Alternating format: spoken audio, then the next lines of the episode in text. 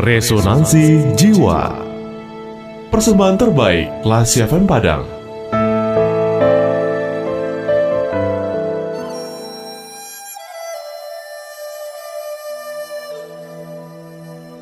Memaafkan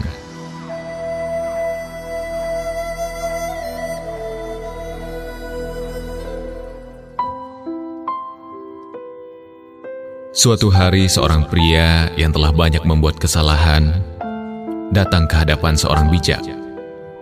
Dengan harapan ia bisa diberi petunjuk bagaimana memperbaiki semua kesalahan-kesalahan itu dan tidak mengulanginya lagi. Guru, saya mempunyai banyak dosa. Saya sering memfitnah, membohongi, dan menggosipkan orang lain dengan banyak hal-hal yang buruk. Sekarang saya menyesal dan ingin memohon maaf lahir dan batin. Bagaimana caranya agar Tuhan dan mereka yang telah saya sakiti itu mengampuni semua kesalahan saya? Mendengar hal itu, sang bijak berkata, "Baiklah, kalau begitu, tolong kau ambil bantal yang ada di tempat tidurku. Kemudian bawalah ke alun-alun kota." Dan sesampai di sana, bukalah bantal itu sampai bulu-bulu ayam dan kapas yang ada di dalamnya keluar tertiup angin. Itulah bentuk hukuman atas kata-kata jahat yang telah keluar dari mulutmu. Meski kebingungan, toh akhirnya ia menjalani hukuman yang diperintahkan kepadanya.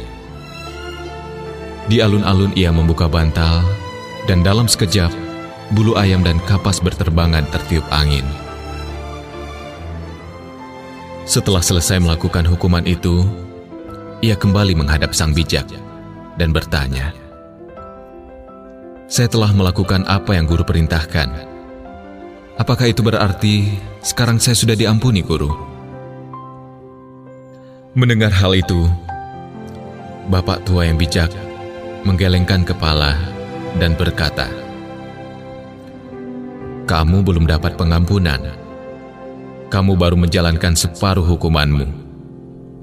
Kini, kembalilah ke alun-alun dan pungutlah kembali bulu-bulu ayam yang tadi berterbangan tertiup angin.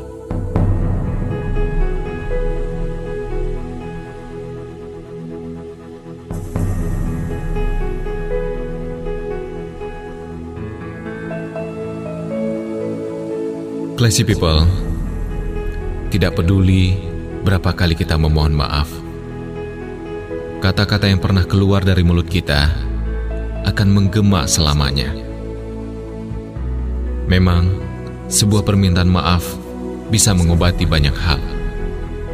Namun, agaknya kita juga harus mengingat bahwa semua itu tidak akan ada artinya saat kita mengulangi kesalahan itu kembali.